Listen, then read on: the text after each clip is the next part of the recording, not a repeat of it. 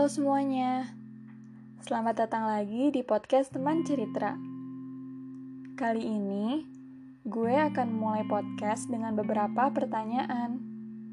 Pertama, pernah gak sih lo ngerasa capek banget sama kerjaan-kerjaan lo, yang sampai lo gak ada motivasi lagi? Terus, ketika lo curhat sama temen, temen lo malah bilang, lo gak apa-apa kok, dan semangatin lo untuk lanjutin kerjaan daripada nyuruh lo untuk istirahat dulu. Tapi bukannya lo makin semangat, lo malah makin lemah. Karena lo udah sama sekali gak bisa buat semangat. Kedua, pernah gak sih lo lagi bener-bener gak mood ketemu orang dan pingin me time dulu? Tapi orang-orang malah bilang, lo gak asik banget sih gak kumpul bareng-bareng. Ketiga, pernah gak sih lo lagi banyak banget pikiran yang bener-bener bikin lo stres, terus lo gak ada keinginan untuk masuk kuliah atau sekolah. Tapi lo bahkan bingung mau izinnya gimana, karena gak ada surat keterangan dari dokter. Kalau lo pernah, gue cuma mau bilang bahwa it's okay not to be okay. Mungkin saat itu kondisi mental lo emang lagi drop. Sama aja kayak spiritual lo. Iman lo bisa naik, bisa turun. Sama aja kayak fisik lo. Lo bisa sakit, bisa capek. Mental lo juga bisa gitu. Tapi lo tahu gak sih sebenarnya kesehatan mental itu apa? Jadi, kesehatan mental itu emang gak ada batasan hitam putihnya antara sehat dan sakit. Oke, kali ini agak matematis ya, tapi biar kebayang. Ibaratnya sebuah garis bilangan, kesehatan mental itu bisa dituliskan dari negatif menuju positif. Jadi, kondisi mental lo itu emang bisa berubah posisi. Bisa aja posisinya lagi di sangat negatif, bisa aja posisinya di sangat positif, atau di antara itu. Oke, sekarang biar lo lebih ngerti secara definisi, menurut WHO, kesehatan mental itu kondisi dari kesejahteraan yang disadari individu yang di dalamnya terdapat kemampuan-kemampuan untuk pertama, mengelola stres kehidupan yang wajar, kedua, bekerja secara produktif, ketiga, menghasilkan, serta berperan serta di komunitasnya. Nah, jadi ketika lo mengalami kejadian-kejadian yang gue tanyain di awal, lo udah gak sanggup menghadapi rasa stres lo, pekerjaan lo sangat gak produktif, lo juga ingin menarik diri dari lingkungan sosial. Bisa jadi, kondisi mental lo emang lagi di posisi negatif di garis itu. Orang bisa berada di posisi itu sebenarnya disebabkan oleh banyak faktor.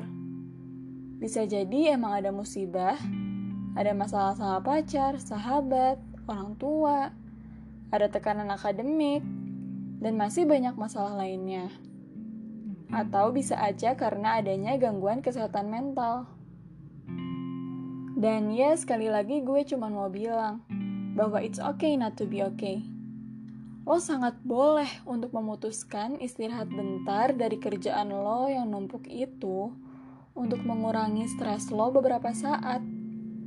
Lo boleh untuk ngeluangin waktu lo sendiri buat bisa bebas dari rasa sedih dibanding bertemu dan jalan dengan orang. Lo juga boleh kok kalau ingin nangis semalaman buat lepasin perasaan lo yang menyakitkan dibanding mencoba menghibur diri lo biar lo bisa cepet senyum lagi. Tapi lo harus ingat bahwa istirahat bukan berarti lepas dari tanggung jawab. Jadi cobalah untuk meminta waktu sebentar. Meskipun lo takut mereka nggak percaya tentang capeknya lo, seenggaknya lo udah berusaha ngasih tahu. Selayaknya orang yang sakit demam, dan memutuskan buat tidur bentar dan gak banyak beraktivitas biar cepet sembuh, perasaan lo yang lagi sakit juga butuh waktu buat lo sembuhin. Gak semua hal bisa lo gak papain. Tapi selayaknya orang yang sakit demam, yang kalau sakitnya makin parah akhirnya pergi ke dokter, lo juga harus perhatiin ini.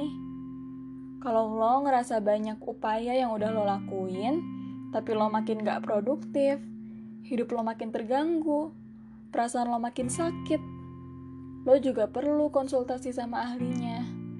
Misalnya psikolog atau psikiater. Lo butuh untuk dibantu. Yang jelas, lo harus mengizinkan diri lo buat sembuh. Karena pertolongan itu ada. Oke, kayaknya gue udah cukup menjelaskan tentang apa sebenarnya kesehatan mental itu. Dan gue mau nekenin, gue jelasin ini bukan cuma buat lo yang relate dengan kondisi-kondisi tadi. Tapi juga buat lo yang sampai saat ini masih nggak tahu bahwa mental issue is exist. Karena mungkin banyak orang yang sebenarnya udah sadar sama kondisi kesehatan mentalnya udah ada pikiran dan tekad buat bangkit dari kesedihan karena ingin juga ngerasain bahagia. Tapi sedikit orang yang bisa percaya bahwa dia lagi gak baik-baik aja. Buat lo yang mungkin masih belum paham sama mental issue, gue mewakili perasaan orang-orang yang lagi capek secara mental, cuma minta lo percaya Sesederhana itu. Percaya bahwa stres, banyak pikiran, sedih terus-menerus, semuanya itu benar-benar terjadi dan bukan sesuatu yang bisa dihilangkan dengan sekedar melupakan itu. Gue gak ada maksud mengeneralisir orang. Gue sangat mengapresiasi lo yang udah peka sama kondisi mental seseorang. Tapi, Beberapa kejadian kadang membuat gue berasumsi bahwa masih banyak orang yang gak ngerti. Gak ngerti sama perasaan orang lain yang sedang berada di posisi mental down.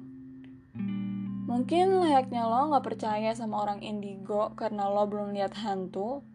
Beberapa orang juga masih sulit memahami perasaan orang yang gak baik-baik aja karena belum pernah ngerasain di posisi tersebut. Tapi alasan itu nggak seharusnya buat lo nggak empati dan jadi menutup mata atas kondisi mental yang sedang dihadapi orang lain. Kesimpulan dari gue sederhana sih, bahwa mental health is real. Kita semua harus aware, lebih peka, peka sama diri sendiri dan orang di sekitar.